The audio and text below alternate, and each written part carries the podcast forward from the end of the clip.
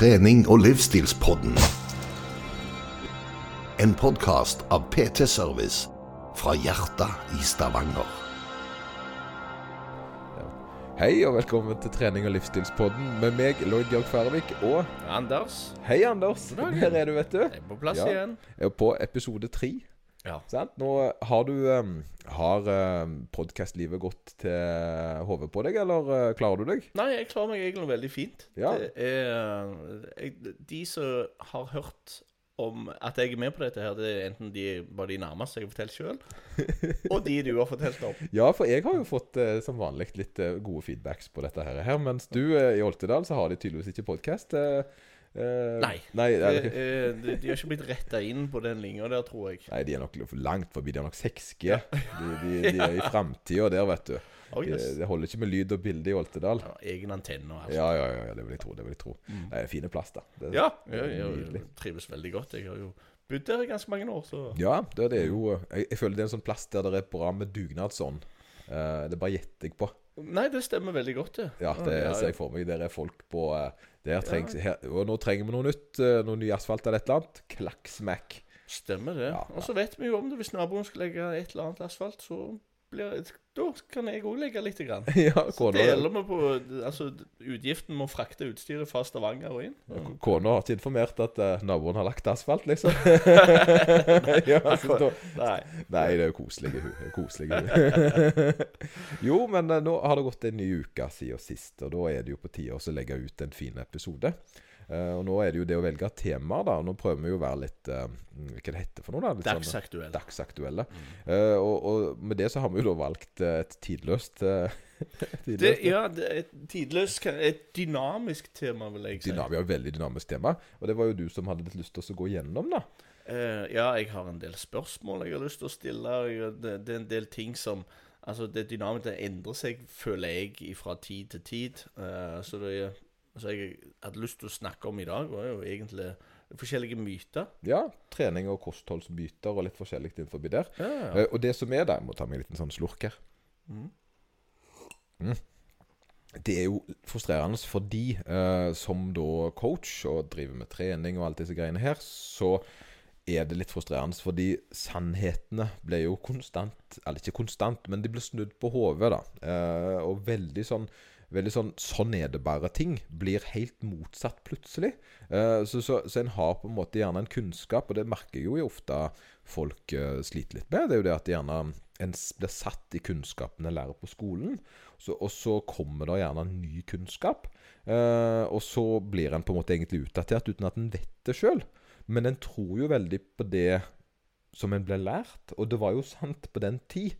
Og det er jo det som gjerne er litt av problemet, er jo det at når en da på en måte Hvis en ikke hele veien holder seg oppdatert, da, så kan en plutselig være utdatert på ganske viktige temaer.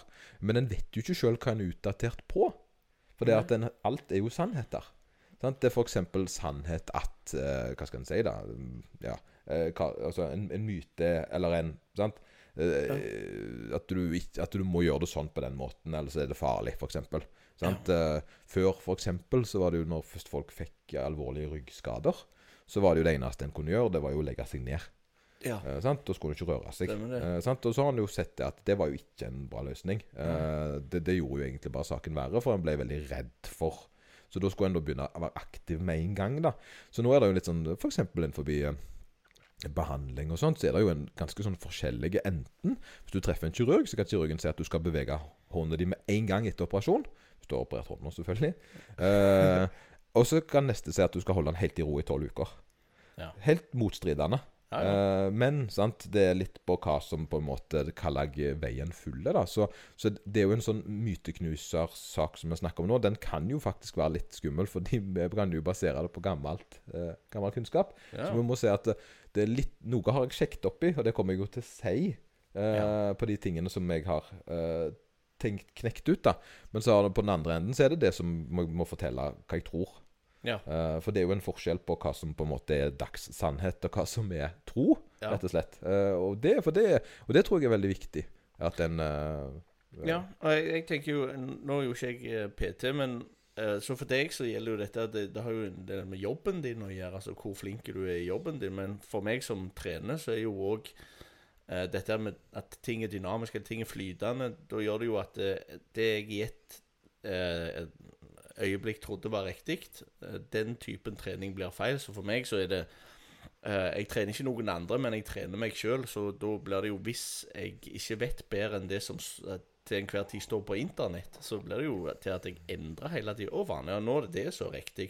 Ja, sant? Der var det feil. Det er nå noe annet som er riktig. Ja, og, og en, en må på en måte stick to truths, da. Og, det, og, det, og, det, og den syns jeg var egentlig uh, shout-out til Jørgen Hansen, da, som, er, som er på juniorlandslagstrener i styrkeløft. Han sa jo det der knallbra. Han sa det at uh, han egentlig så var det litt dumt når en, uh, når en var veldig erfaren. Fordi han visste at det var flere sannheter. Uh, og når en var litt yngre, da, så var han veldig sånn Du skal gjøre sånn. Han var veldig bestemt. Ja. Men nå visste han jo at du kan gjøre sånn, og så kan du gjøre sånn. Og da blir gjerne svaret litt mer flagrende sant? enn sånn som før, der han var kjør knebøy med strikk, fikse problemet. For det, tingen er at du har noe med den bayen som da atleten har, gjerne. At det, han tror på deg. Du tror på det du sier, for du er så presis. Sant? Mens på en måte når du da har nok kunnskap, så blir du sånn Ja, du kunne tatt noen kjettinger, så kunne du gjort det litt sakte, eller så kunne du spist en is, eller så det, er- det er så mange, Ja, vei, ja, ja, det er så mange veier, da. Eh, og det blir veldig vanskelig å være eh, tydelig når du vet at det er mange svar. Ja. Uh, jeg ser for meg at uh, Er det sånn at når du blir eldre, så blir du Altså, du skaffer deg mer kunnskap. Blir du mer satt i ditt system, holdt jeg på å si? Eller blir du åpnere for nye ting? Jeg tror, jeg tror det er personlighets... Og det, det kommer tilbake igjen til det å være, alltid være spørrende. For jeg har vært nødt til å skrape ting som jeg trodde var 100% sannheter. Senest altså, i år alene så har jeg skrota masse sannheter. Og det er jo frustrerende, for du føler jo plutselig naken igjen. da. Tenkte dette har bygd ti år på det der, og der, og så viste jeg at nei, nei, nei, det er ikke sånn du skal gjøre. Du skal gjøre det helt motsatt. Ja. Og det er jo klart at det er jo kjempefrustrerende. sant? Men det er jo altså, men her er litt av regelen. da, Det er jo greit at hvis du gjør en feil, så lærer du jo like mye av det. Hvis du skjønner at du, får, at du får blir informert om at det er feil. da.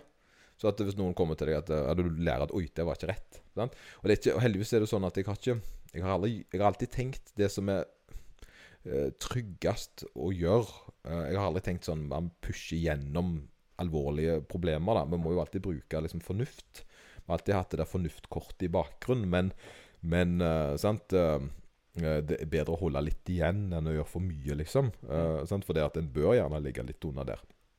Ja. Så jeg har sluppet unna på en måte sånne ting, og jeg sier jo ikke Men så er det den sannheten som på en måte en snur på. da Og du ser jo det med Alt blir jo oppdatert og forbedra, da. Ja, hvis, hvis du skal hente en sannhet, da Eller si at jeg trener. eh, jeg har lyst til å finne ut hva som er riktig, og hva som altså, Kall det gjerne moteriktig, eller hvor jeg Ja. skal gjøre ting. Er det noe uh, sider som er bedre enn andre? Eller? Altså Moteriktig er jo faktisk et kjempefint ord. Uh, fordi moteriktig er jo akkurat det som er problemet. Det er jo det at du har gjerne de da som er eh, eh, Som er talerøret for gjerne enten en idrett eller eh, ja, fitnessverden, da. Og så gjør de det på en måte. Sant? Eh, og så blir det den eneste sannhet. Eh, og den er jo litt dum, sant? fordi at eh, tilbake igjen til at du, du vet etter hvert at det, sant? alle som er med i en konkurranse, trener jo ikke 100% likt. Alle føler jo du har et fortrinn fordi de trener litt spesielt. Men, men tingen er jo det at nesten alle av de har gjerne en god løsning. Ja. Men, så det da, sant? Men det handler ikke bare om systematikken i det. Det handler jo om troen på det, og så er det genetikken. Og så har en da gjerne flaks og tilfeldigheter på toppen av dette. da. Eh, så det er jo veldig mange faktorer som gjør at du egentlig får det optimalt til. Og der er en jo tilbake igjen til det der med at sant? Arnold Schwarzenegger var jo i sin tid sånn han er jo, Jeg syns jo han er dritkul, må jo si det. Oh yes. Men Arnold Schwarzenegger han gjorde jo ikke verdens beste Han, hadde, han var jo ikke verdens beste i verken trening eller kosthold. Sant? Og når jeg sier det, så får du litt sånn Ja, kødder du? Se på deg. Se på Arnold. sant? Ja, men jeg tenker det at Arnold Hvis han, Arnold hadde vært enda bedre han, Altså, han er ikke den perfekte. Sant? Han, jeg, I mine øyne så har han den perfekte fysikken.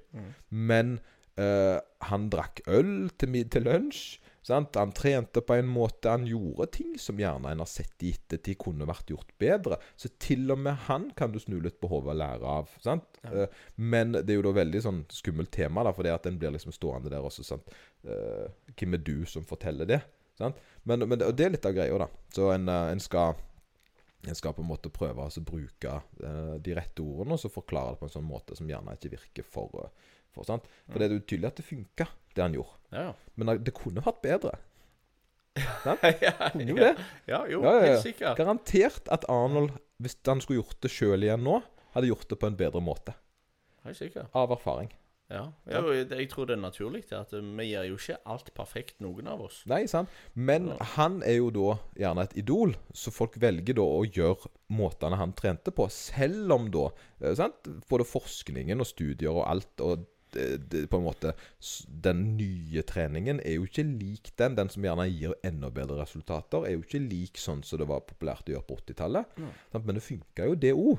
Men en kan jo igjen spesialisere det enda bedre. da At det har kommet framskritt. da Mhm. så da blir en stående på en måte litt sånn hvis den Ja, men se på han og se på det. ikke sant? Ja, ja men vi kan ikke bruke det på et sånt måte. Vi må på en måte se tallene, da. Hvis 1000 personer trener sånn, og 1000 personer trener sånn, hvem er det som har best gjennomsnittlig resultat? Sånn, Så må vi fjerne utspringer. Ja. Men tilbake til spørsmålet. Hvis eh, jeg har lyst på korrekt informasjon, hvor henter jeg det? Det er Ja, hvor henter du det hen? Altså, det, ja. ja, det, det ble jo forskningssider, eller folk som på en måte eh, har en forståelse for å lese Altså, litt av problemet er jo en har studier, sant? Og, men noen av disse studiene er gjerne litt sånn sjokkstudier, der du gjerne har ti personer. Sant? Men så har du de der metaanalysene som dreier seg om da et over, eh, overview. At de ser over mange og drar en konklusjon ut av det. da. F.eks. kreatin. da. Kreatin er jo en ting som er blitt studert i hel.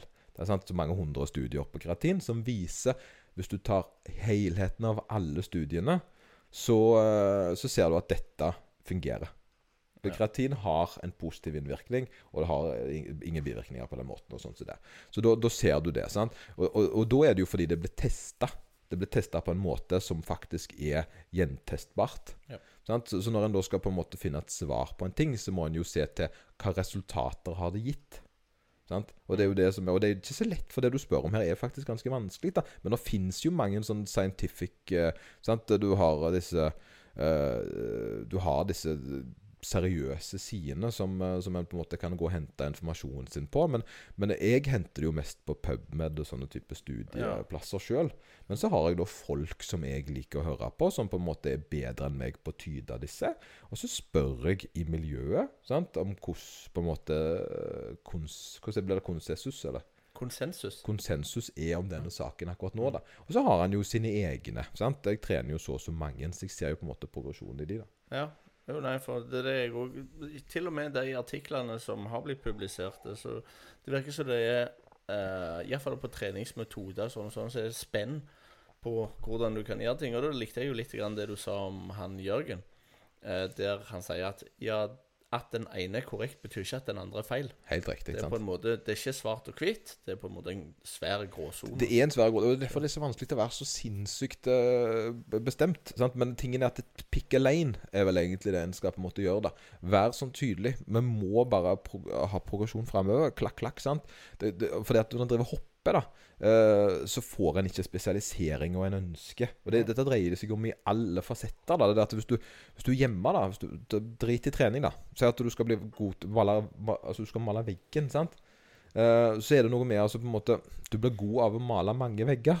Sant? Du blir jo bedre på det.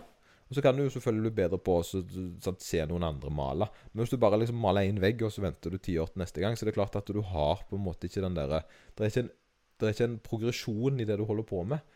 Uh, et dårligste eksempel. Nei, nei, men jeg syns den her var kjempegod. For jeg har en myte knytta til akkurat det du snakker Ja, om. har du det? Ja, ja, ja, få ja. Nei, for det den ene myten, den er uh, Altså, hvis du skal ja, Mer trening er bedre trening. Ja, og den, den er fin. For det at eh, Og her igjen så er det da sant? Nå, føler, nå høres jeg ut som han der uh, Han der snakker om magneter. Sant? For Først må vi jo definere hva, hva er trening. Sant? Oh, ja, ja, ja. jo, jo, jo, for tingen er at Og hva er mer trening, da? Det, så, men for å si det sånn, da eh, Nå skal jeg ha et benkpresskurs i helga. Mm. Eh, og, og en av de store hemmelighetene for å bli god i benkpress, vet du hva det er? Trener benkpress. Ja, det er trene benkpress. Hva er det som er bedre enn å trene benkpress? Trene mer benkpress. Trene mer benkpress. Stemmer. Men kan du Si bacon. Bacon, ja. Det kunne vært bacon. ja, jeg prøver litt lokka Litt sånn lokka deg inn på den. Men, men eh, svaret er jo at en skal ha mer uh, benkpresstrening i uka for å bli bedre. Sant? For det at kroppen gjør en adapsjon til øvelsen. En spesialiserer seg for bevegelsesbaner og alle disse tingene. En blir bedre når en øver. da. Men hva skjer hvis du trener masse benk?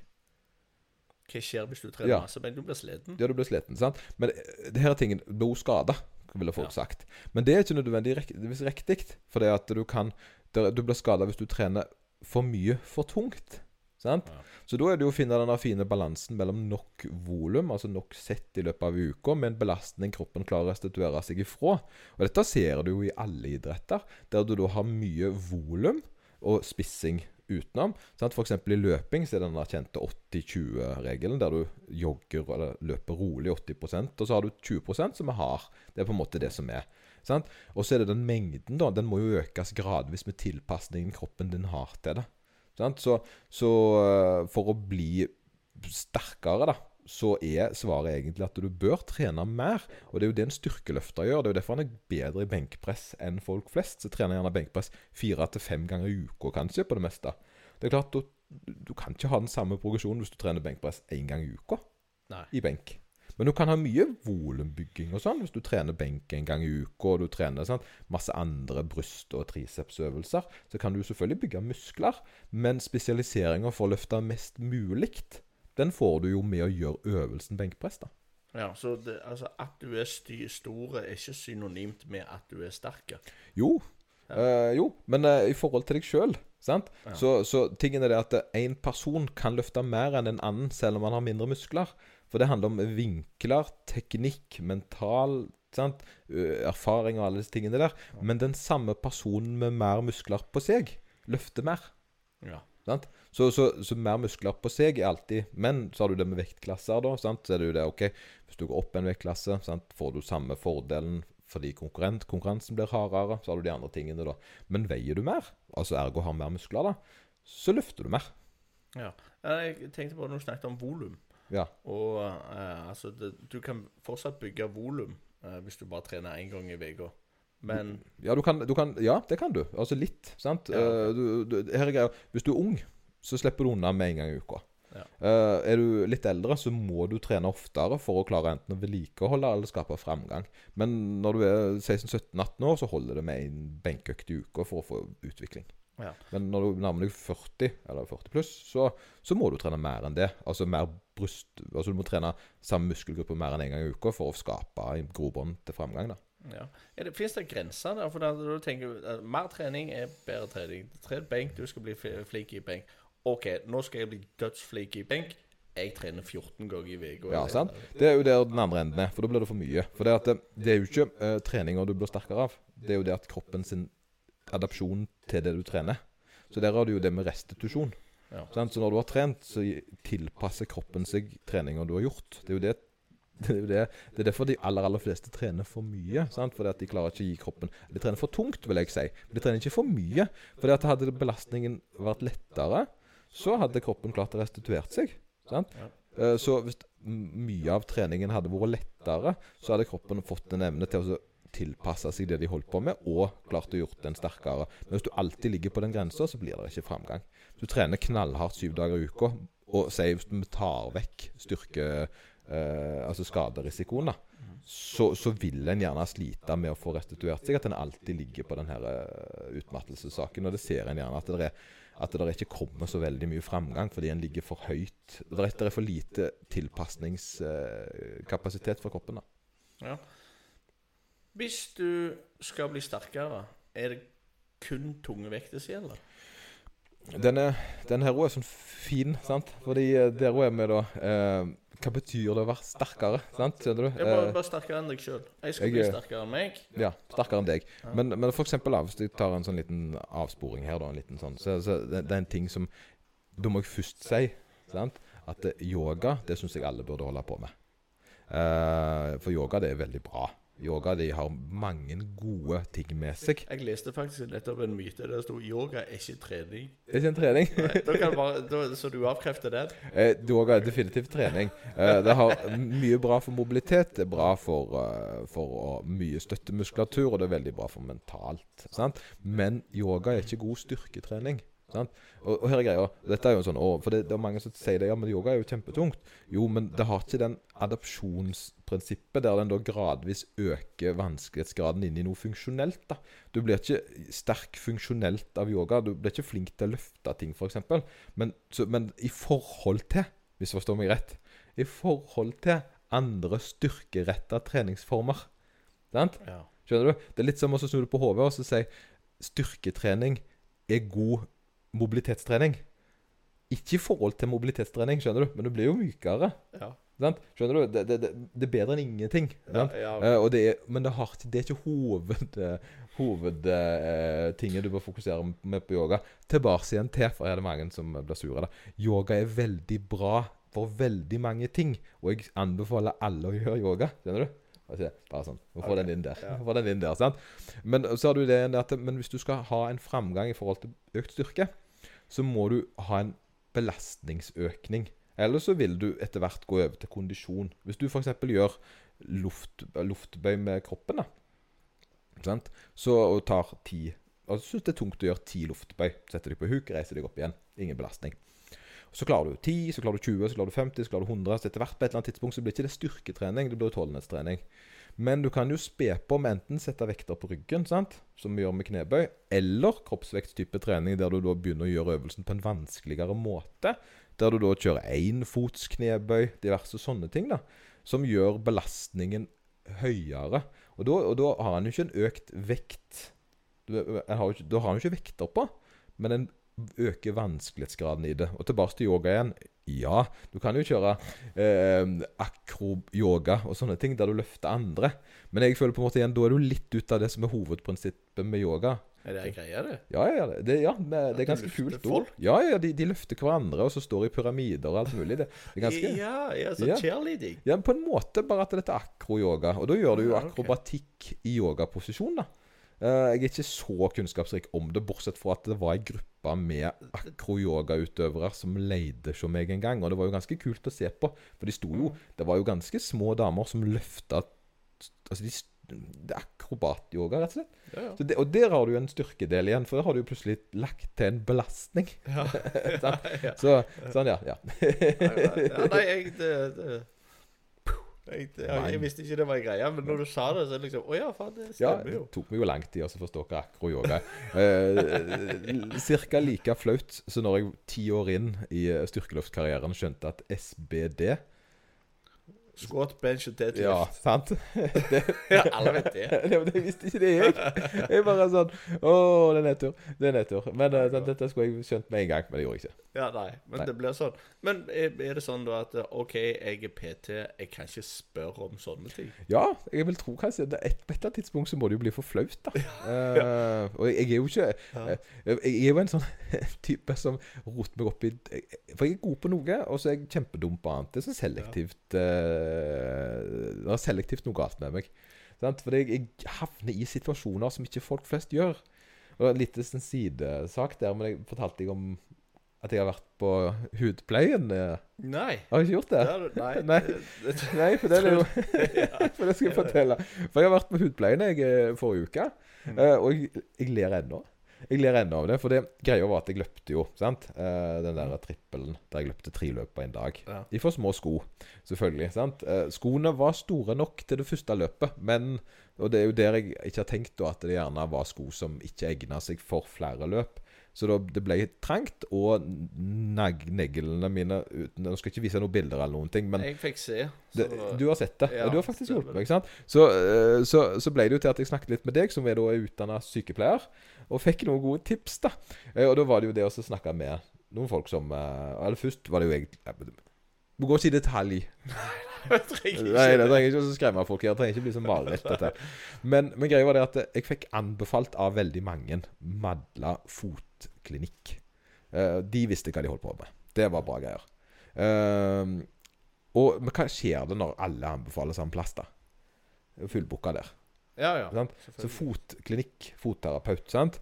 Uh, glemmer det jeg googla. Var på Google, og så fant jeg ut at uh, OK, det fantes iallfall en annen sånn uh, fotklinikk som hadde ledig, da.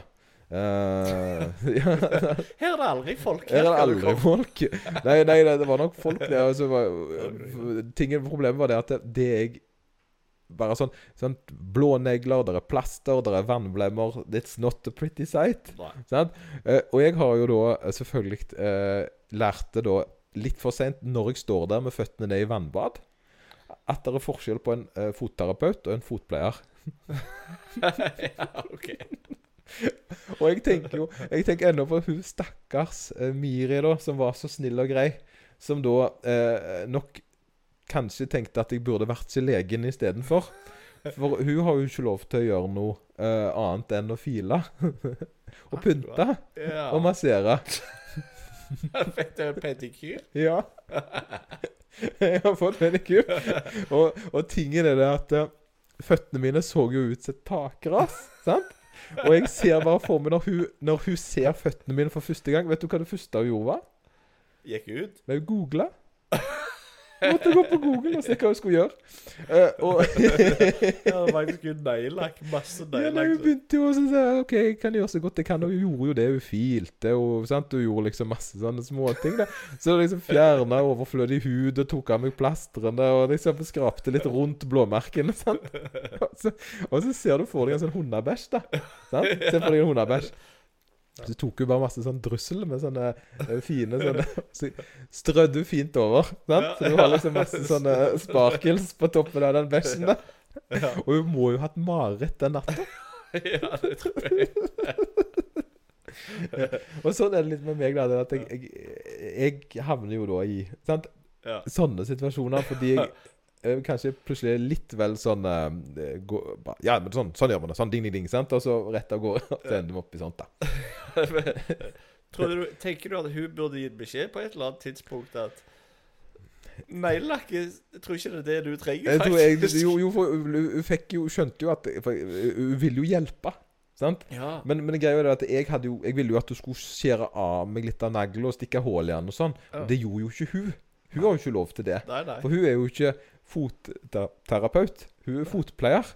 Og fotpleierne de gjør jo ikke det. Nei, nei, nei, nei. Men det litt tilbake til det der med altså, Din yrkesstolthet gjør kanskje at du ikke stiller spørsmål om ting du tror du skulle ha kunnet. ja, ja, ja, jo, jo, Altså, kanskje det er likt med hun. Ja. Jeg kan jo ikke Dette her Nei, jeg vet da faen. Nei, så, så jeg synes jo det er så gøy da, for hver gang jeg, hver, jeg ler jo hver gang jeg tar på meg sokkene.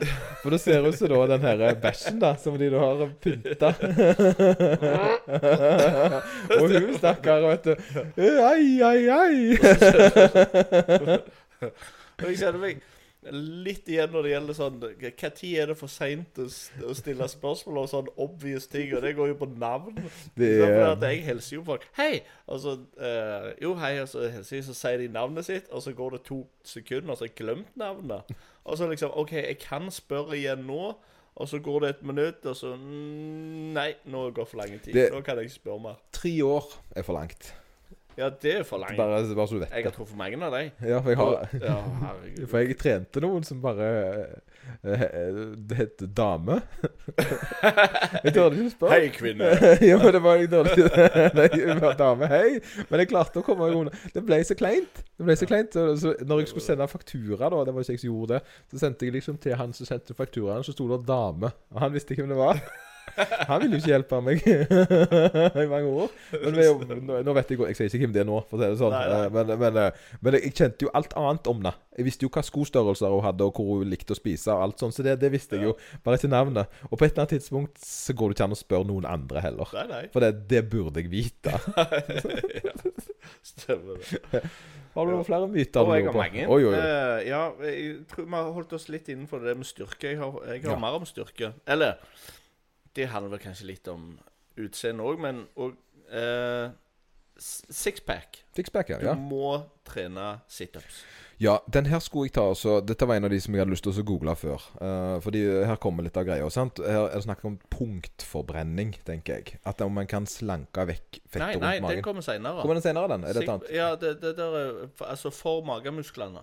For, altså, for å trene magemusklene og få de framhevet, så, Ja. så er det øvelsen situps gjelder, eller fins andre øvelser du Ja. kan trene for magemuskler? For å få synlige magemuskler, så er det, det er en kostholdsrelaterte ting. Du må ha en såpass eh, lav fettprosent uh, at du har at, du, at det synes gjennom da, hud og fettvev. Eh, og, så, så, og alle har sixpack. Eh, det er det som er greia. Han er bare sant, mer eller mindre skjult. da Eh, og, og den kommer fram når da uh, polstringen foran er såpass lav at det er synlig. Og det er Jeg skal ikke si noe tall, men jeg ser på mellom 13 og helt opp i 17 uh, så, av, så, så er det. Men så er det jo litt sånn hvor fettet legger seg. Det jo er litt til, på forskjellig på noen, noen altså Folk har forskjellige plasser det legger seg på. Sant? Og noen er jo veldig heldige. Jeg har jo en som bare hadde fettvev på bein og armer. Den så jo trent ut uansett hva han gjorde. Sant? Mens andre da, de har den der klassiske potetkroppen der det på en måte legger seg bare på bare på uh, hals og mage. Sant? Uh, så det er, folk er litt forskjellig skrudd sammen der. da. Men eh, så eh, Men selvfølgelig, trener du magerelaterte øvelser, så får du jo sterkere magemuskulatur, da. Når du sier magerelaterte øvelser, mener du da andre øvelser enn situps? Ja. De vel, det som er det, er at veldig mange øvelser involverer mage og korsrygg i en eller annen grad. Markløft f.eks. Knebøyt. Større øvelser der du involverer overkropp og har balanse. Altså Skulderpress har til og med mye involvering av magen. Altså alt som, altså Ellers hadde du knukket bakover. Magen holder deg jo stående. Så til og med når du sitter, hvis du ikke lener deg som jeg gjør nå, så bruker du magen. Så rett opp i ryggen så bruker du mage og korsrygg til å stabilisere deg. Så til mindre grad, da, selvfølgelig. Men øvelsene da, som på en måte der en tenker en aktiverer, er jo ting som trekker sammen muskelvevet. Og så ut igjen. Og det er jo da type situps og sånt. Men òg den statiske typen der de står i spenn. Og de står jo i spenn når du løfter markløft. Sant? Presser Ja. beltet mot Hvis du bruker belte, f.eks. Ja. Mm. Hvis du eh, henger dingle i et stativ og trekker føttene dine opp Ja, Da bruker du mage, men du bruker også hofteleddsbøyer. Og her er litt av greia da, som er litt morsomt. Det er at ellipsoas, da, det muskelvevet som, eller muskelvevet, er musklene som på en måte henger på framsida av hofta og kobler inn i magen, den, eh, den, den Veldig mange som tror de trener mage, trener egentlig den. Sant? For den er jo med på å trekke beina opp. Eh, så så, så er, en kan på en måte gjøre øvelsen på en sånn måte at den kobler litt inn feil i forhold til det å trene mage. Men det er ikke feil igjen, for det er jo viktig å ha sterke hofteleddsbærere òg. Så, Men eh, det, liksom det viktigste Det viktigste for å sterke magemuskler er jo lavere fettprosent. Altså synliggjøringer, da. Hvis en tenker estetikk. Ja, ja, det er estetikk. Men hvis du har lyst på sterkere magemuskler, hva er den beste øvelsen? Ja, nå spør du godt, egentlig. Eh, jeg personlig syns jo faktisk eh, planke med belastning på ryggen er veldig bra. Der en da har å kjøre Der en da kjører Setter vekt på ryggen, for da får en koble opp både mage og korsrygg og la de jobbe sammen. For det er jo et nettverk. altså Det er jo ikke bare magen. da Det er jo uh, I tillegg så har vi på en måte Det er mye forskjellig som skal fungere sammen. Det er ikke bare magen som skal gjøre en jobb. Den skal på en måte Korsryggen skal være med på dette. Ja. Mm. OK. Uh, trenger du hjelp for å få uh, vekter på ryggen? Eller klarer du det sjøl? Hvordan uh, Nei, hvis du skal stå i planke. så, og ja, Du skal ha vekter på ryggen. ja, ja, jeg har sett det er mange som får det til sjøl, altså. Eh, de tar og så på en måte tipper det oppå, og så for det tingen du legger det oppå når du ligger, og så går du opp i planken, og så tipper du det av igjen. Så du, du tar det ikke Du, du får se sånn du, du tar vektene på ryggen når du ligger flatt, og så går du opp i planke. ja. Så, så det går. Men du må være tøyelig nok til å ta hendene bak ryggen. da Det er jo ikke alle som klarer det. Yoga. Yoga. Ja. Du må ha yoga. Tren yoga. Tren yoga, minst. Eller få deg en venn. Eller få deg en venn. Ja, ja, Ja. Hvis du får deg en venn, så kan du jo på en måte slippe unna de vanskelige delene der. Da. Livet, De store problemene i livet får du jo vekk. Ja. Ah, OK. Så, så det går litt på preferanse òg. Men Ja. begge to aktiverer muskler, så du Jeg, kan på en måte jeg syns den er veldig god, sant? eh, fordi at eh, den aktiverer begge sider, og du får på en måte samarbeidet som jeg er så glad i. da Ja. Og det, det er jo litt fordi jeg driver med sånn idrettspresise saken. da For det at Hvis du på en måte fra estetikk, så er det jo da gjerne en isolerende øvelse som f.eks. situps. God gammeldags gym-situpsen der du har tærne under noe feste og, og reiser deg opp. Sånn som alle egentlig lærte når de var små. Kjempegod øvelse, det. Trenger ikke være så avansert. Men så har du jo dette her toe to uh, toes to uh, uh, bar, der du på en måte løfter deg opp, og mer sånn akrobatiske øvelser, som også er gøye. Det viktigste her er jo den adapsjonen en gjør med å trene på en ting over lengre tid og bli god på det med en progresjon i belastning. Ja. Det er det som er. Så du skal finne det en liker å gjøre på. Ja, ja, ja. ja. Eh, jeg har en, bare òg en siste her på når det gjelder det med styrke. Ja. Eh, baseøvelser, altså eh, benkpress, markløft og knebøy. Da trener du ikke støttemuskulatur. Ja og, ja, og, dette er jo kjempemorsomt. Fordi uh, her har vi igjen dette helt til innledningsvis. Morsomt. Uh, jeg trente jo bare knebøy, benkpress og markløft. det var eneste som sto på programmet. Jeg trengte ikke noe annet. og jeg ble jo sterkere. sant? og så på en måte altså For det var sånn styrkeløfteren gjorde det. Det var jo de der dumme støtteøvelsene. Det var jo noe som sto på slutten av verket. Som vi egentlig ikke hadde tid til etter vi hadde gjort knebøy, benkpress og markløft. Mm. Nå er det jo helt snudd på hodet igjen. Nå trener en jo nesten ikke knebøy, benkpress og markløft, og nesten bare støttemuskulatur. Sant? Vi har jo snudd om hele den der, der, så nesten alle treningsprogrammene jeg lager nå, har mye mindre av spesialiseringsøvelsene, og heller da tilleggsøvelser som bygger opp rundt. Så nå har vi spesialiseringsdager. Ofte der vi har knebøy f.eks. på dag én, der det handler om å gjøre knebøy ordentlig. Konkurranseknebøy.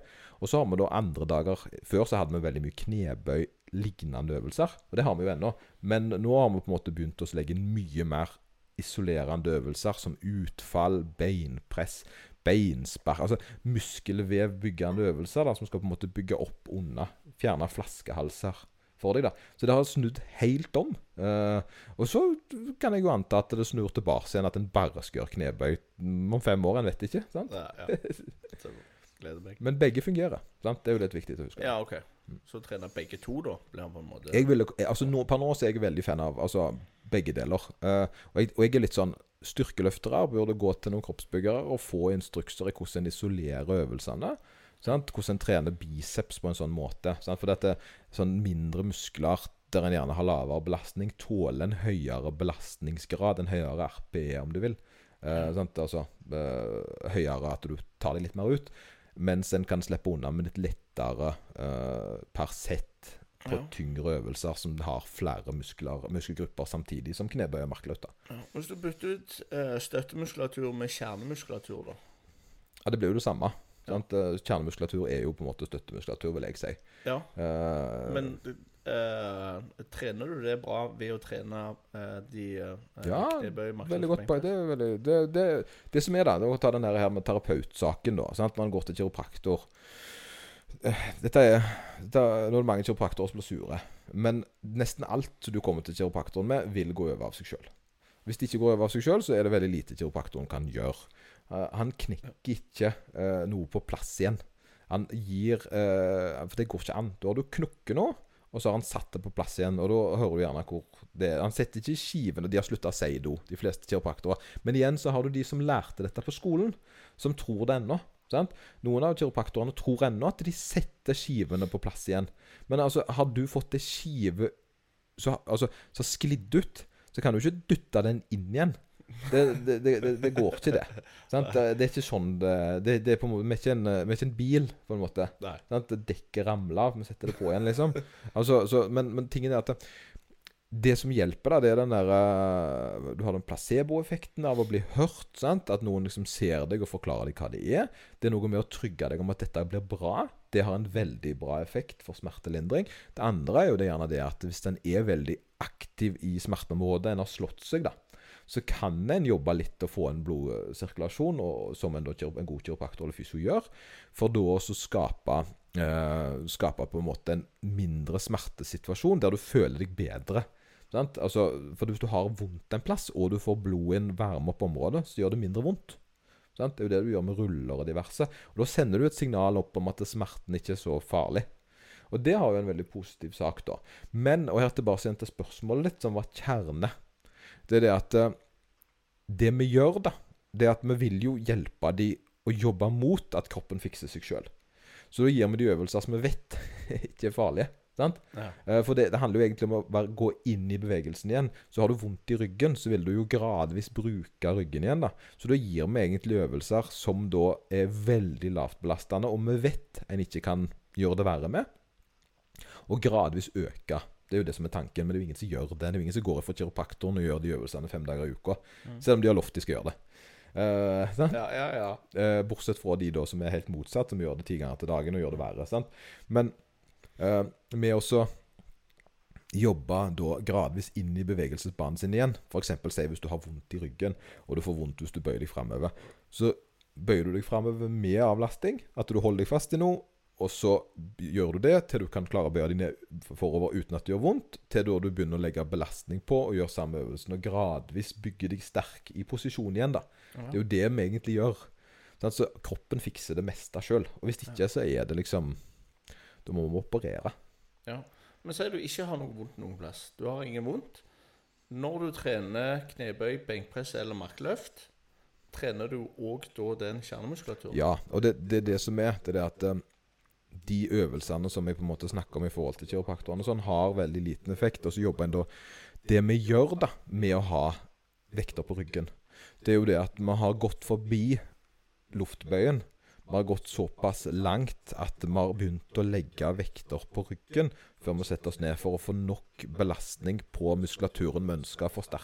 Sant? Og det er klart at når du har det på ryggen, så stabiliserer vi med mage og korsrygg. Så det er en stor involvering.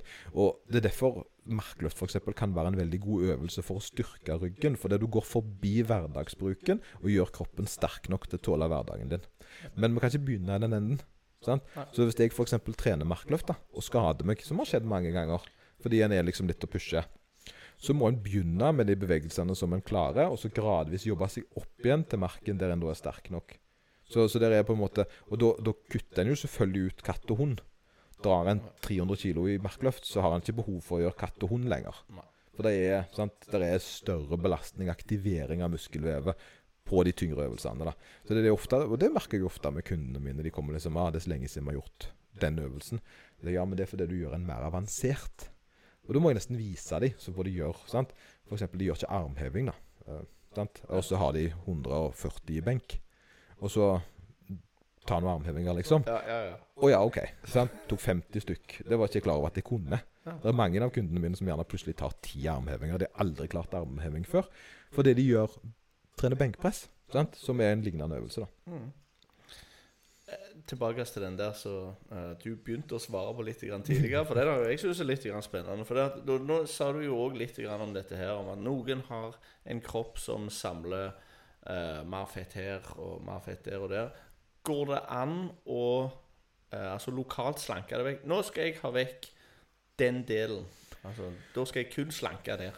Ja, og det som er der, er at det er noen studier som viser til at det skal kunne At en har en lokal forbedring av magen. Uh, mens en, hvis en trener mage-crunches-type greier. Uh, men, men igjen, jeg ville ikke brukt det som en bra måte på å fjerne fettvev. Altså, Fettprosenten må jo uansett ned, men det har eh, Det har vist i noen studier, og det er det som er greia, for dette var en ting vi ikke kunne. Vi kunne ikke punktforbrenne. Det var liksom ikke noe vi ikke kunne det. Men så er det jo studier som viser at jo, det går litt likevel. Og du ser gjerne at folk som driver mye med sykling, har lavere fettprosent på lårene. Sant? Eh, de har lavere fettprosent på den musklene som de bruker mye. Eh, og det, og den, og der, at det er noe her som gjerne ikke helt stemmer, da. Men problemet er at det er ikke en, det er ikke en Her snakker du gjerne tiårssak for en ganske minimal effekt. Ja. Det, så, så den beste måten for, for oss å få uh, mindre, altså mindre mage, vil alltid være via kosthold. Uh, fordi det er en mye lettere vri. Det er mye lettere å gjøre det på den måten enn å prøve å punktforbrenne det vekk. Så selv om da studien er litt sånn misvisende Derfor vi ble liksom lært opp til at det aldri gikk, og så har det snudd litt. Ja, ok.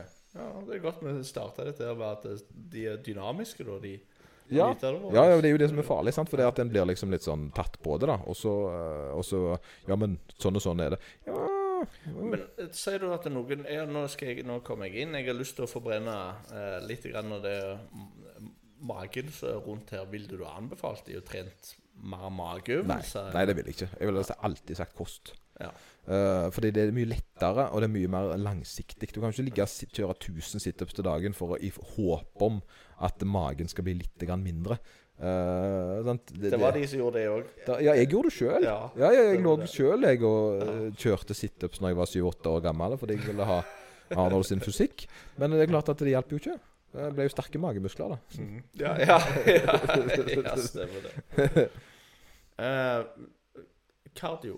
Cardio, ja. Eh, alt, myten var alt under 20 minutter er bortkasta.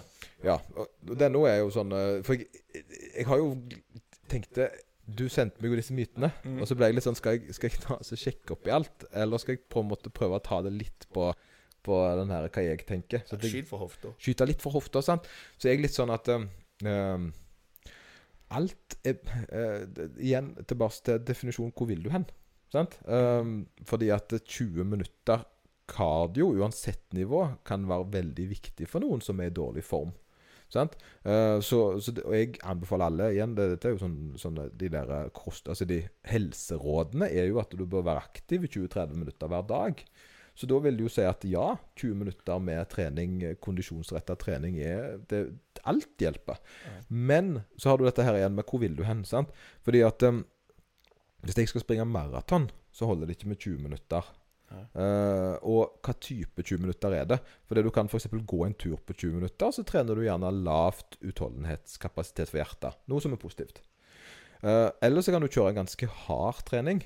Sant? Du kan kjøre ganske intensive assault bike-økter, så du forbrenner veldig mye kalorier på. Veldig høy puls, veldig opp mot terskel. Kjøre, sant? At du kjører det ganske hardt. Og det er klart at det har en styrkende effekt på hjertet, som er veldig positiv. Eh, sant? Og, da, og da holder det med 20 minutter for de aller aller fleste. For det, men da spesialiserer du gjerne det at hjertet blir sterkere, ikke mer utholdent. For utholdenhet og 20 minutter henger ikke sammen. Er du med? Sant? Ja, ja, ja. Det blir litt sånn, Jeg er veldig utholden, jeg holder ut i 20 minutter. ja. Sant? det det. oi, oi. Ja, jeg syns det var ganske lenge, jeg. ja, ja. ja. jo, det, det er litt med hva en gjerne holder på med. Ja, ja, jo, jo, jo. Ja, Men jeg tenker jeg, eh, jeg hadde Det var digresjon, men det, det henger litt grann i sammen. For jeg ble spurt om å ha det var noen pensjonister spurte om jeg kunne komme og snakke litt om sykdommer. Ja. Så jeg, hvilke sykdommer har du lyst til å snakke om? Nei, de, de som mest sannsynlig at vi får noe ganske snart. Sånn, ja. Så jeg, ja, ok, greit. Så jeg var jo nede og så snakket vi en del om hjertekar. Vi snakket litt grann om eh, det, altså diabetes, en del forskjellig sånn. Men sam, altså, når jeg var inne og leste og skulle ha liksom, ja, Hva kan vi gjøre for å forebygge dette? her, Så var det det du snakket om. om 30 minutter eh, moderat aktivitet per dag eh, skulle være med å forebygge alt dette. Så det er på en måte den helsefremmende effekten eh, av å ha litt grann. Altså Den forsvinner jo ikke selv om det er 20 minutter. Men jeg hadde han ene som, som sier Ja, han han har nettopp lest at ti minutter var det du skulle gjøre nå. ja, vel, han, ikke 30. han syntes det var mye ved 30. Jo, jo, men jeg tenker jo tre, ti hadde vært bedre for akkurat han. Sant? Jo, nei, men jeg, det, For det var det òg jeg sa, at ti minutter er bedre enn null minutt. Ja. Ja, ja. Og, uh, så du, du får på en måte en fremmed effekt der òg, men kanskje ikke like bra som 30. Skal vi ta en litt sånn ekkel eh, sånn, eh, Noe som jeg syns er litt fælt, det er i forhold til det å bli gammel. Det kan du. Ja. Oksygenopptak. Sant? Eh, det er på en måte hvor mye, hvor mye oksygen en klarer å trekke til seg, eller hvor mye en klarer å absorbere mens en holder på. Eller det volumet med oksygenet klarer å ta inn, da. Klarer å utnytte. Ja, utnytte. Ja. Uh, det er jo på en måte et tall som et VO2 maks. Mm. Og idrettsutøvere har jo veldig høyt på det. Ja. Uh, fordi så ofte, Spesielt de som driver med id- utholdenhetsidrett. Mhm. Eh, men det er òg et, altså et kostnadssystem uh, i forhold til at en kan si OK um, Hvis jeg har så, Når jeg var målt meg, så hadde jeg så og så mye. Mm. Uh, grei oksygenopptak, og egentlig til å være tidligere styrkeløfter, og ikke ha en altså, Det var OK. Uh, det, det, det, det ga meg på en måte innpass i sannsynligheten for å klare visse utholdenhetsaktiviteter var til stede. Ja. Hadde jeg hatt på en måte lungeproblemer og sånn som det, så, og hadde hatt lav oksygen, altså VO2 maks, så hadde det vært litt sannsynlig at jeg hadde klart å f.eks. løpt den tida på den strekningen, eller holdt pusten så og så lenge. Altså sånne type ting, da. Ja. Um, så det, og det er på en måte den avanserte saken. Men det som skjer når man blir eldre, da, det er at den her vil jo gradvis gå nedover. Uh, og dette er noe som en lett kan holde med trening, men vil jo alltid bli mindre og mindre med alder. Problemet er at hvis du ikke er aktiv i det hele tatt, sant? Eh, så vil den her falle ganske lavt. Og da, her er greia da at eh, når jeg da har den jeg har, så kan jeg springe et maraton. Sant? Så jeg er på en måte utholdt nok til å springe et maraton eh, fordi jeg har evnen til å løpe så og så fort, komme meg av gårde og holde en spesiell fart. Sant? Det har jo løpsøkonomi og sånt har jo utenom. Men når vi begynner på en måte å legge vekk alt den der ekstreme treningen, og så går vi over i hverdag, da, så er det jo litt sånn at eh, det trengs kanskje å si Nå tar jeg bare noen tall ut av hatten. da, Si at folk flest har 40, da. Så vi tar ta et sånt gjennomsnittstall på en Ja. voksen person. Uh, men du trenger, du trenger 20 for å gå opp en etasje. Å ja. Sant? Du trenger gjerne sant? Er, Problemet er at hvis du ikke trener, og du blir eldre, og du ikke gjør noen ting, så på et eller annet tidspunkt så har du ikke 40, du har ikke 30, du har 25 kanskje. sant? Og noen er gjerne nede i 20. Så de har såpass dårlig form at de kan ikke gå opp i andre etasje i sitt eget hus, fordi at de, de går over maks. Så de sant? Så du skjønner at de, Ja, ja. de har ikke evnen til å presse seg hardt nok til å gå opp en etasje. Nei. Og på et, tids, og du, på et eller annet tidspunkt så får han så dårlig oks oksygenopptak at en gjerne ikke klarer å kom, kle på seg sjøl. At en klarer ikke å reise seg hvis den faller. Sant? Og, og her er litt av den ubehagelige saken her. Da, det er at eh, altså, verden blir jo mindre og mindre og mindre rundt deg. Så på et eller annet tidspunkt så kan du, hvis du ikke tar vare på helsa di, så vil det jo faktisk være litt slitsomt å gå til postkassene. Ja. Det blir noe som en gjerne gruer seg litt til, fordi det er litt langt. Sant? Hvis en ikke har litt aktivitet i hverdagen sin. Sant? Og der vil jo ikke jeg. Sant? Eh, og det er jo litt av den opplevelsen jeg har hatt når jeg trener såpass mye kondisjon som jeg gjør. Det er jo det at jeg kan hive meg på sykkelen og sykle sånn til Vigrestad, da, sant? som er 60 km. Og det er klart, det var jo en fæl tur med motvind, og alt var grusomt. Men friheten det gir meg å kunne gjøre det, er jo veldig viktig for psyken min. Ja. Fordi hvis jeg ikke hadde kommet ut av parkeringsplassen før jeg måtte legge fra meg sykkelen sant? Tenk, det, liksom, tenk hvor liten den verden er. Må kjøre rundt. Så, så jeg tror folk skylder seg sjøl å være litt aktive. da. Ja, ja. Det, altså, det er jo bare videre på det, den helsefremmende effekten med eh, trening. Ja. For det, det er jo det som du snakker om, det er på en måte ett aspekt med det. Men det finnes mange. altså Hjerte-kar-relaterte helseproblemer du kan få, eh, med mindre du ønsker Eller med mindre du trener litt. Eller du kan i hvert fall forebygge det med å trene litt. Ja, du kan det. Og forebygge, og Artig nok så er det jo Ruben, da. Han kjenner jo du til. Ja. Han hadde jo det som oppgave der han forska på nettopp eh, hva som skjedde hvis uh, 70-åringer trente. Mm. Og det er jo litt artig, for i ei studiegruppe så skal en alltid ha En skal ha ei eh, å ha en ja- og en nei-gruppe, på en måte.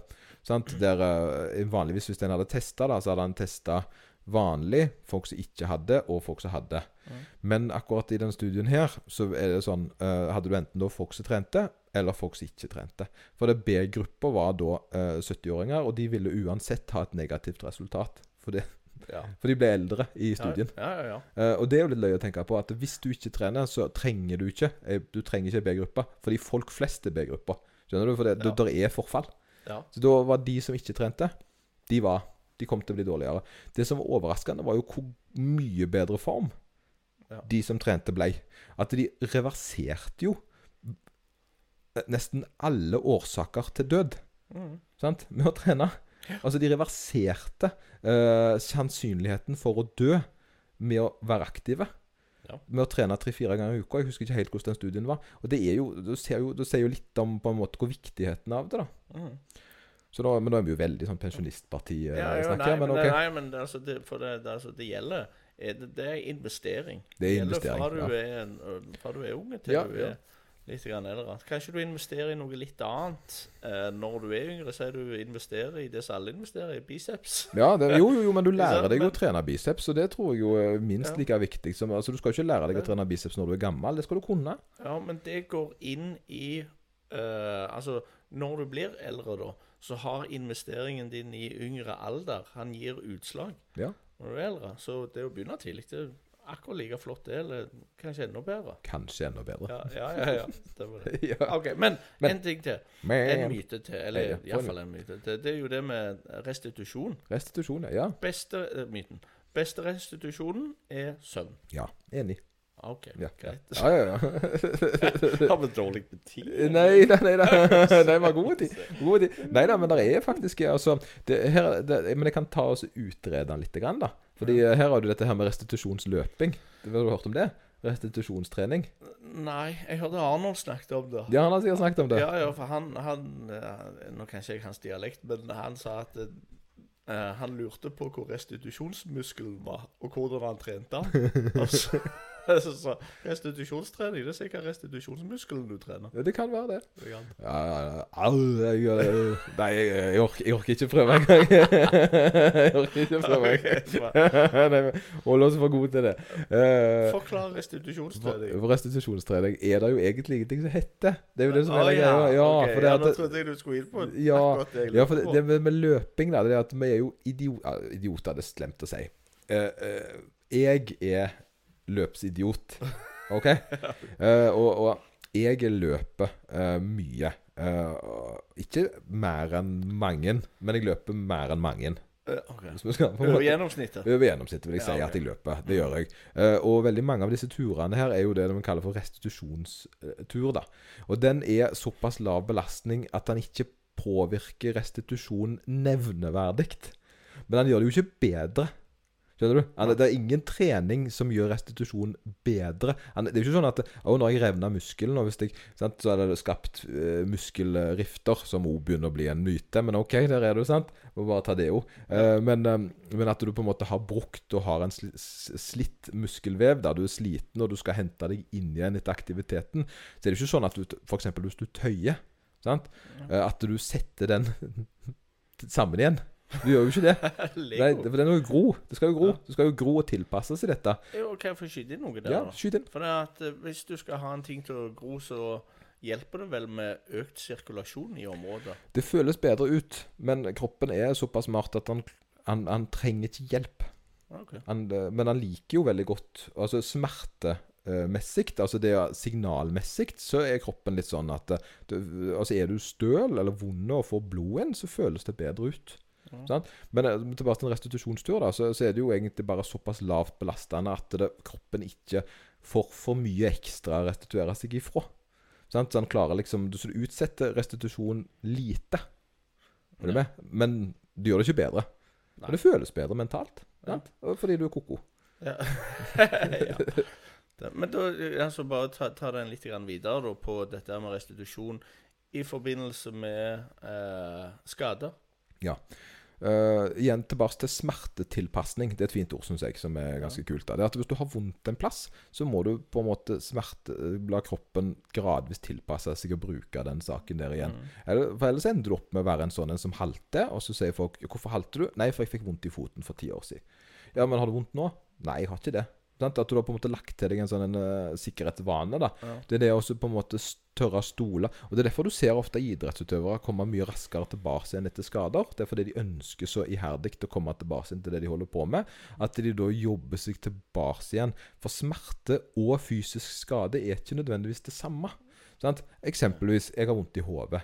Sant? Jeg har jo ikke noe, det er jo ikke noe altså Jo, det er jo kanskje det, men akkurat i denne sammenheng så er det jo ikke noe fysisk galt med hodet mitt. Mhm. Det er jo ikke Jeg har jo ikke Det er jo ikke noe som har Det er ikke, en, det er ikke et sår på hodet, men det er et signal om sant? Eh, At noe er galt. at noe er galt. Ja, mm. sant? Og det er det som er der, er at det signalet der, det er ikke nødvendigvis alltid riktig. Sant? Det er jo det at eh, Nå er det nok sikkert en eller annen faktor som gjør at jeg har vondt i hodet, men, eh, men eh, det er ikke alltid kroppslig sett at det er eh, graden av alvorlighet, da. Ja. Nei, altså, det, altså At det ikke er et sår. Det er smerten, Hvis det er et signal om at det der er et eller annet gale, så kan det være mindre ting òg, som mangel på vann, f.eks. Ja, sant? Det er jo en greie. Det er jo ikke et sår. Men det, ja, på, Men- på det, men- men, det, det er en mangel. Det mangler, ja. Mm. Så, så det å få blodet vil jo gi den her um, blodsaken og det, Der har du det at det skal være med i en prosess, men kroppen gror jo uansett. Sant? Bortsett fra eh, skader som gjerne der, der du Smertemessig så må du ha bevegelse for at det skal uh, bli bedre som oftest. Så F.eks. skulder. da, Hvis du får vondt i skuldra di og ikke beveger skuldra di, så har du veldig liten grunn til å få en tilvenning, en trygghetstilvenning. Mens i hofter og lår og knær og sånt, det bruker du såpass mye i hverdagen at du, uh, at du blir nesten nødt til å stole på et eller annet tidspunkt. da. Ja, OK. Så hvis du har en eller annen skade, så da er det ikke søvn som er den beste. Jo, jo alltid, for det er tiden. Tiden Ja, som går når du sover. sant? Så, så um, restitusjonsmessig så er det jo det at eh, det er jo det vi gjør mye når vi sover. Eh, At vi gir kroppen veldig mye. For jo mer aktiv du er, jo mindre restitusjon. Eh, Og her er jo dette her med hvor mye tåler en. Hvis jeg driver med boksing på mandagen, sant? Så, så har jeg slitt boksemuskulaturen min. Sant? Men jeg er jo sliten i kroppslig, så, det, så jeg kan ikke gjøre noe annet med de samme musklene og forvente at jeg er top notch. Eh? Jeg kan ikke trene thaiboksing dagen etterpå fordi det er noe annet, og forvente at jeg er helt eh, fine på det, fordi det er tross alt ikke samme eh, idrett. Det går ut av samme tanken. det samme, sant? Behovet for å restituere seg etter boksingen vil bli påvirka av thaiboksingen, skjønner du? Ja. Eh, og, og, og det er jo det at eh, jo mer en gjør da, trener, eh, og jo høyere oppe mot det kroppen klarer å restituere seg ifra, jo lengre tid bruker en jo egentlig til å hente seg inn. Og på et eller annet tidspunkt så klarer en ikke å hente seg inn. Og du får jo da de typiske tretthetsbruddene eller skadene som oppstår fordi kroppen aldri får tid til å gjøre seg ferdig. Ja. Så Hvis du får en treningsrelatert skade, da eh, Det du sier da, er eh, Du skal holde bevegelse. Det snakket vi om tidligere. For mm. tidligere så var det liksom ja, Kom deg i seng og hold Det er iallfall det som er på en måte den øh, Den tingen som nå er, føles riktig ut. Synke ned og reise meg opp. Så, det, så rådet de ga tidligere legene, var ikke så galt. Det var du skal legge deg ned og sove. Bare det at de glemte å gi beskjed, men hold òg bevegelse i det. Bare ikke, altså, Du kan ikke gjøre de to på likt. Men, Ja, altså de, Nei, de skal ikke røre. Før så var det jo Vær helt i ro. Ja, Sant? ja, ja. Altså Det var ingen uh, opptrening. Den delen med opptrening var uh, fordi at du må opptre opptrening. Ja. Eh, for det at Problemet f.eks. med folk som skader seg de, Hvorfor skader de seg? Nei, for de tåler ikke det de har utsatt kroppen sin for. Og Problemet er når en da blir skada i en vanlig altså jobbrelatert skade. da F.eks. hvis du Altså Du får vondt i nakken av å sitte på jobb. sant? Så må du jo styrke nakken din. Det, det, det folk gjør da eh, Bedre eksempel. Eh, Folk begynner å springe i voksen alder. Og så er de ikke vant med å springe, og så får de en eller annen belastningsskade i, eh, i eh, kne eller eh, leggen eller akilles eller et eller annet. Sant? Og så velger de da som oftest den samme feilen. Det er at de slutter å gjøre alt. Mm. Sant? Eh, Og så slutter de å gjøre alt i tre-fire uker, og så blir det bedre, for da har kroppen fått tid til å hente seg inn igjen. Og så påfører de samme belastningen igjen. Ja. Og da skjer det jo selvfølgelig det som, som uh, ikke skal skje. Det er jo det at eh, en gjør akkurat det samme og forventer et annet resultat. Ja, ja. Så det en skal gjøre istedenfor en sånn situasjon, det er jo det at OK, nå gjorde jeg for mye. Jeg belasta kroppen for mye og fikk meg en akillesskade, f.eks. Så må jeg trene opp akilles og gradvis øke volumet inn mens akilles blir uh, tilvendt. Sånn? Og Sånn er det jo med alt annet òg. Det er jo det at når en da får en skade, så må en forstå at jeg har gjort for mye i forhold til det jeg burde gjøre. Sant? Så um, må jeg nå regulere ned mengden aktivitet til det kroppen faktisk tåler, ikke hva jeg vil kroppen skal tåle. Eh, og så gradvis bygge det taket opp. Og For meg så var det først 5 km løping, så 10, så 20, så 30, så 40, så 50 over mange år. sant? Mm. Og så 60, liksom. Så, så, så det er klart at hadde jeg begynt å trent så mye som jeg gjør nå for fem år siden, så hadde ikke, da hadde jeg blitt skada ganske fort, fordi kroppen har ikke blitt sterk nok til å tåle belastningen. Men der har du det med trening. Det er jo en faktor som en stor grad kan påvirke. Ja. Men med jobb så kan en jo ha samme situasjon, der en gjerne har en altfor stor arbeidsmengde i forhold til det. sant? Og Der er jo den tilpasningen litt vanskeligere å få til, eller gjerne litt mer uklar, da. Men det er samme reglene. Når, altså, når du er sterk nok, eh, så kommer jeg over på dette her med eh, gangsperr. Ja. Gangsperr-mytene. Hvis du får gangsperr, så er du bare dårlig trent. Ja, ja, ja. Gangsperr er jo det, det, det er jo sånne ting som jeg pleier å ta for å forklare hva gangsperr er. Gangsperr er kroppen som tar et styremøte, og så sier han nå har vi gjort noe vi ikke er vant med. Uh, vi må stenge av området, så vi får tid til restitusjon. Uh, og så stenger vi av, og så blir det stivt og så litt vondt å jobbe med. Eh, sant? Og da blir det sånn Å, vi støler. Det kommer litt ut i den enden der. Så har du i andre enden, så blir det jo da at eh, når en da fortsetter å gjøre det, så blir det tatt opp et nytt styremøte, og så sier kroppen hører ikke på oss. Han hører ikke på oss, men han bare durer gjennom. Eh, og så sier han at, eh, at det er ikke vits i for oss å signalisere mer av mer stølhet, fordi kroppen må tydeligvis gjøre dette fordi det er viktig for han. Så da slutter han å bli støl.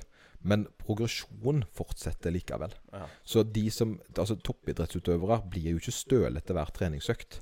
Men hvis du tar en toppidrettsutøver og får han til å gjøre yoga, Ja. så blir han støl. ja. Fordi hvorfor?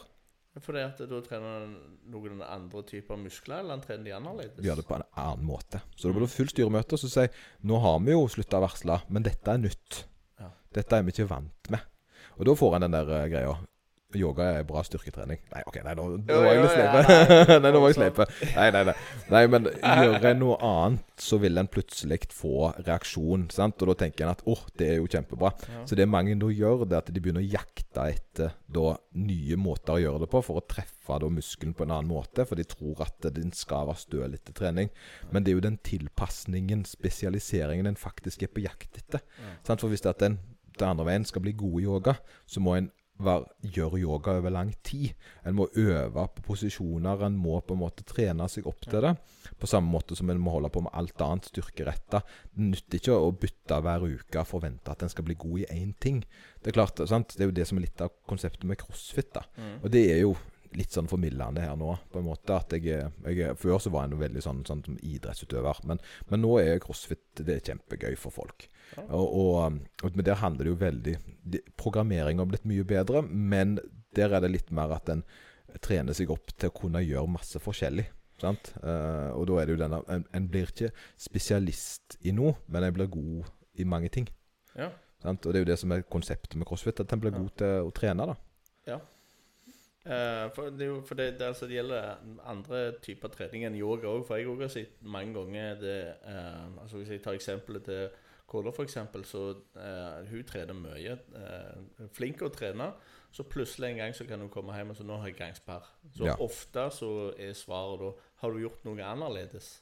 Ja, så, ja, på treninga i går så gjorde jeg sånn sånn. Det har jeg ikke gjort på en stund. Nei, og da tenker jeg, og det, Der kommer ofte de der kjellerøktene inn, som jeg har hatt en debatt om før. da. Ja. Det er jo det at eh, Å, nå skal vi gjøre sånn og sånn. Og det er klart at eh, Å, da blir en støl og fæl og så hardt vi trente i går.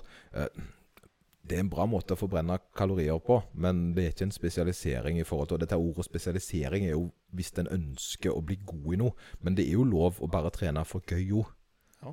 Så, Ja, ja. Så, så, så det er jo ikke det at en ikke skal gjøre det, men, men hvis en på en måte vil bli veldig flink i noe, så må en skjønne at det er den inntreninga av eh, evnen til å gjøre det som er veldig viktig. Og Hvis jeg skal på en måte løfte 200 kg i knebøy, så nytter ikke det å gjøre knebøy hver tredje uke.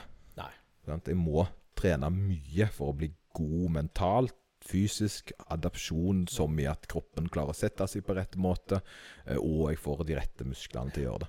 Men gangsperre betyr egentlig da bare at du har gjort noe nytt, eller du har gjort noe annerledes. Ja. Der får du gangsperr. Og det er på en måte den eh, Det er ikke den Det er liksom den eh, Sånn som sånn som på en måte en ser det, da. Men Ja. så er det jo det at det er mye Det er mye med gangsperre vi ikke helt ve- vet ennå. Det skal Ja. være sagt. Ehm, jeg, du òg har en som jeg har skrevet Eller som du har skrevet ned her. Det er Ja. turer før frokost. Ja, og der kommer vi igjen til dette her med. sant? Sannheter, da. Ja. Fordi uh, dette er en sånn typisk kroppsbyggersak som jeg på en måte har uh, alltid vært litt sånn Ikke flirende av, men typisk kroppsbygger. Gå, uh, gå tur før frokost. Fastende. Ja. Fastende frokost. sant? Og så blir en litt sånn Ja, for det Du forbrenner ikke du frokost da. Nei, du har ikke frokost. Fastende. Sant? Da blir det bare tidlig tur, da. Det blir jo lunsj. Men altså, d- der har du igjen Jeg vet ikke om dette er sant, eller om det var bare noen som syntes de var veldig smarte, og så har det stikket av det. Det er dette her med breakfast. Det, at det betyr break fast. At du bryter fasten. Å ja, okay. Og det, det, det syns jeg jo er litt artig. Men om det stemmer, eller det bare er tilfeldig, det er uvisst. Men, men så er det det om det da har noe for seg å gå turer før eh, frokost, altså spise.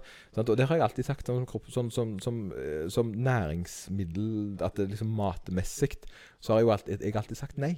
Det er bare tull. Sant? Fordi du forbrenner ikke mer fett av eh, å gå eh, på morgenen enn du gjør senere på dagen. Det har jo på en måte vært en sånn sannhet. Men sant? Wow. Så er det jo litt mer spennende saker der igjen. Det er jo det at eh, det å gå turer før frokost Gåtur eh, har veldig mye positive egenskaper. Annet at du har ikke økt appetitt hvis belastningen er lav.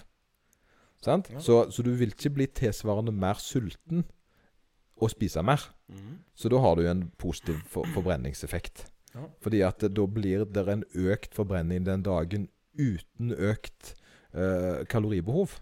Ja. Positivt. Det andre er jo da at eh, når en da går med lavt inn, mageinnhold, altså at en da går på lav belastning, så bruker en mye av fettvevet i den posisjonen der. Så en trener på å bruke kroppens lager. Og det er noe som folk bør øve på. Det å på en måte gå litt lengre bare på kroppens batteri, da. At en ikke på en måte skal tenke at en er nødt til å spise for alt en har gjort, men å bli bedre på å bruke det og lageret, som en da gjør når en går. Så da har en en tilvenning til evnen til å bruke fettlager, og så har en da ingen økt appetitt. Ja. Så da ble det plutselig en positiv ting. ja, men jeg vil si at det er en tredje positiv ting òg. Ja, Den der psykiske effekten av å ha dette her. definitivt. sant? Det er, og det starter dagen bra. Ja. Så, så jeg har snudd ifra uh, myte til eh, Hva ble det andre, da?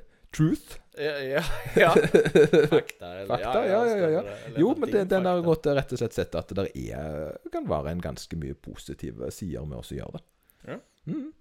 Uh, og så en ting til som du hadde. Det er Kan du ha lav forbrenning? Ja, det er noe sånn klassisk, fordi at uh, mye av det som går igjen når folk spør meg, er altså, det er urettferdig, da. Sant? Anders Ja. han har mye høyere forbrenning enn meg. Um, det, så er det det. Der er det. Ja. Er, det store forskjeller? Ikke store forskjeller, men der er. Uh, og der er den derre 95% ligger innenfor. Uh, si hvis gjennomsnittsforbrenninga til mennesket er 2000 kalorier, Mm. så ligger 95% innenfor mellom 1800 og 2002.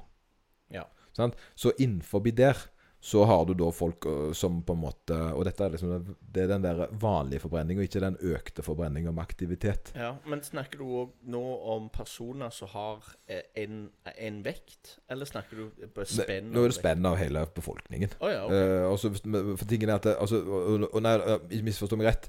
Per Hvis alt hadde vært likt, skjønner du, Ja. så, og, og sagt hvis vi skulle Så det er en 10% Eller er det 5 10% spenn ja. Innenfor 95% av befolkningen. Ja. Så at hvis meg og deg hadde hatt samme styrke, altså samme kroppsvekt og, og, og sånt, så hadde vi kunnet hatt opptil 10% forskjell i uh, forbrenning. Det er såpass. Ja da. Men det betyr jo at jeg hadde vært den med minst, og du hadde vært den med mest. Mm. Sant? Og det er vi jo sjeldent. Og da snakker vi snakker den største endringa mellom ja og nei er 400 kalorier. Så den ekstreme på en måte uh, forskjellen her er ikke ganske stor. Men den er jo betydelig nok. Sant? Eh, at det er fins noen som kan spise litt mer enn andre, ja. Og så har du da innenfor de 5% igjen som er helt ekstraordinære. Da Da, da er vi oppe i gjerne 2500-2600 kalorier. Ja. Mens den er på 1600 i andre enden. Da har han en veldig lav forbrenning igjen. Men da er den på 0,5% av befolkningen, liksom. Ja. Så, så, så det eh, Greia her er det at ja, det er litt grann personlige, altså menneskelige eh, forskjeller. Men det er såpass lavt at en da eh, gjerne ikke kan bruke det som en unnskyldning i den forstand. Mm. Men en må akseptere at livet er ørlite urettferdig. Det er ingenting en kan gjøre med det. Mm. Og en er da nødt til å bruke sine egne tall og sin egen på en måte Mm. for å skape det resultatet en ønsker seg. da. Litt grann det som vi snakket om på en annen podkast, det var forskjellene i følelsen av sult.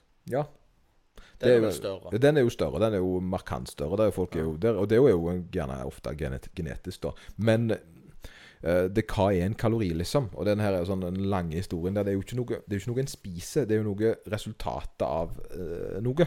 Det er jo kostnaden. Mm. Sant? Så eh, for eksempel hvis at jeg er 85 kilo og springer 10 km, og hvis det regnestykket skal være på en måte helt 100 da, så hadde jeg forbrent 85 ganger 10. Sant? Det er ikke helt det, men la oss nå bare si for enkel matte, da. Det er på en måte bensin, dette her. Det er bensin. Så da hadde jeg forbrent 850 kalorier. Så om jeg hadde, om jeg hadde løpt på morgen eller kveld 10 km, så forbrenner jeg fortsatt 850 kalorier. Sant? Ja. Eh, men her har du de andre faktorene som sult involvert og alle disse tingene der. Da, at den på en måte gjerne er mett. At det er andre faktorer for en vektnedgang som er, sant? som er noe annet. Men så har du det igjen hvis jeg hadde sprunget det på Se hvis jeg springer det på 50 55-60 eller 65 minutter, så spiller det heller ingen rolle i forhold til 850 kalorier. For jeg har gjort det samme. Sant? Så, så, så lenge jeg gjør det samme, så er kostnaden lik. Ja. Eh, Det er det gjerne ikke folk helt klarer å sette seg rundt. Hva er en kalori? da? Det er kostnaden på det jeg har gjort. Det er ikke hva jeg har spist. Så det jeg har spist, er Det jeg spiser, er gjør jeg fordi da kan jeg springe 10 km. Mm. Og kostnaden er 850. Ja. Sant? Og så har du da alle de andre faktorene som på en måte kommer på utsida, der du har eh, eh, hva sort mat, bla, bla, bla. Sant? Altså Ja. Karboproteiner og fett og sånt. da Men Snakk om eh, det med uh, uh, forbrenninga. Han er stort sett lik på de aller, aller fleste. Ja. Kan du gjøre noe med det? For det at eh, jeg vil tro at eh, altså hjernen òg bruker jo en del kalorier. Kan Nei, du nei, nei, bruker- tenke deg Nei, jeg bruker nesten ingenting. Okay. Det er derfor folk blir så slitne, og så syns de det, det, det er sunt på dem. Det er kjempesunt på dem. Fordi at det, folk har veldig, veldig krevende jobber. Ja. Kontorjobber, ingeniørjobber, der de gjør sinnssykt heftige ting. Det er nesten ikke en kalori. Det koster ingenting, men det er klart du blir sulten, for du er sliten. Du er mentalt sliten. Når du er mentalt sliten, så bruker folk ofte mat til å fylle på igjen. Men det er, det, en sitter ikke og forbrenner masse kalorier med å spille sjakk. Det er ikke mange kalorier en bruker, altså. Så det går ikke an å tenke deg til an. Jo, du kan tenke deg slank med å ikke spise. Ja, jo, ja. Men å liksom bruke forbrenne Finner fram et mattestykke. Ja, ja, bare altså. Nei, nei, det, det er skremmende lite kalorier en, en hjernen bruker, altså. Det er når du flytter kroppen din du bruker. Og da er vi tilbake igjen til hva er den beste måten. Det er ikke å trene, fordi hvis jeg løper øh, 10 km, så blir jeg sulten. sant? Men, Så derfor er det bedre å spise mindre, selvfølgelig. Og så har vi den lille tingen nå som jeg kom her på, at hvis du går mye, så har ikke gåing noen særlig veldig effekt på sultfølelsen din. Så hvis du går en 30 minutter, da, så har du gjerne forbrent 300-400 kalorier uten at du føler for å fylle på det igjen. Som er positivt. Mm. Så det kan være en uh, pote, og det er derfor gjerne det ikke er noe dumt å gjøre den kroppsbyggersaken. da. Jeg synes det var bra, jeg. Ja, jeg syns det var bra. Ja, jeg syns vi kan eh, vi bare call it quits der, og så være fornøyde med dagen. Ja, jeg, det, jeg tenker nå har ikke jeg så Har du fått svar på det du lurte på? ja, Mye. Ja. Skal, ja, jeg eh, Ja. Nå håper jeg jo bare det er sant jeg har sagt, da. da. Det er jo det. Jo, jo, det kan være sant i en måned òg. Ja, det kan kanskje være. Ja, det var iallfall sant når jeg hørte det, for det er sånn. Eller jeg leste det. Så er det Ja. spørsmål, og det var alltid noen som skal rette på meg. Jeg, eh, vi fikk jo litt, litt pes for den siste vi la ut, da. Å, ja. Eh, En liten av de snuttene. For det er veldig bastant, sant. Men den tar liksom ikke Uh, Og det er jo det som er litt gøy, når en lager sånne små sånne snutter av uh, episoden. Ja. For en blir gjerne litt sånn tirrende. Og så Åh, ja, sant. Men det må jo være en Ja, det må jo være det. Men også er det jo det at det, når en da kommer med en 20 sekunds snutt av Så får ikke den med hele bildet av samtalen. Men, men han kan være litt frekkis, og så vil jo ikke folk sjekke ja, Hva var det egentlig han sa? Ja. De leser jo bare overskrifter. sant? ja. Lloyd Ja, sa at. Sant? Det clickbait. Ja, clickbait. Det er jo litt clickbait, men vi må det, vet du. Hvis vi skal få folk til å høre på, så må vi være litt clicky. Så, det, så jeg gleder meg jo til å se hva som kommer ut av denne, da. Ja, Det ja, ja, det ble jo det, Jeg tror det er ganske mye her. Jeg tror, tror det er andre òg som kanskje lurer litt. Grann. Det kanskje det er kan, folk som kan lurer være på de får litt grann svar på, eller får noe å krangle om. Ja, det kanskje det. Og det er viktig, det. Og jeg, per, det som jeg sier, jeg er ikke det ufeilbarlig. Jeg, eh, jeg, jeg har lest meg opp på noen av studiene i forhold til dette her, og så andre ting. Det er litt sånn gamle studier. Og så er det sånn eh, Er det rett ennå? Who knows? Ja, Men det er jo på en måte, kan jo være læring for oss òg. Hvis det er noen som har noe annet, eller har noen altså, eh, ny forskning sånn og sånn, gi beskjed. Ja, ja trø det i gapet for oss. T- Knekk oss ned, skulle vi si. Ja, ja, ja. Ja, ja, meg da. Meg da. Du har jo ikke Ja, ja, men jeg er alltid interessert i å lære en bedre måte å gjøre ting på. Det er klart, det. Så, den er fin. Men må, skal vi avslutte med sånn profesjonell avslutning? Eh, da må du gjøre det. Skal jeg gjøre det? Ja, Da må du følge oss på eh, iTunes og Spotify, eh, eller YouTube, med på disse tingene der. Du finner oss på Trening og livsstilspodden. Eh, eller så kan du gå på coachloyd.no. Der er det direkte linker til hver episode, og hvor du finner oss på disse greiene, da. Eh, så, så er det bare å gi oss en like og del og sånt. Jeg vet ikke hva det er. Prøver- Kommenter. Kommenter. Ja. Kommenter. Det. Og så får dere ha en fantastisk helg, tenker jeg. Ha det godt.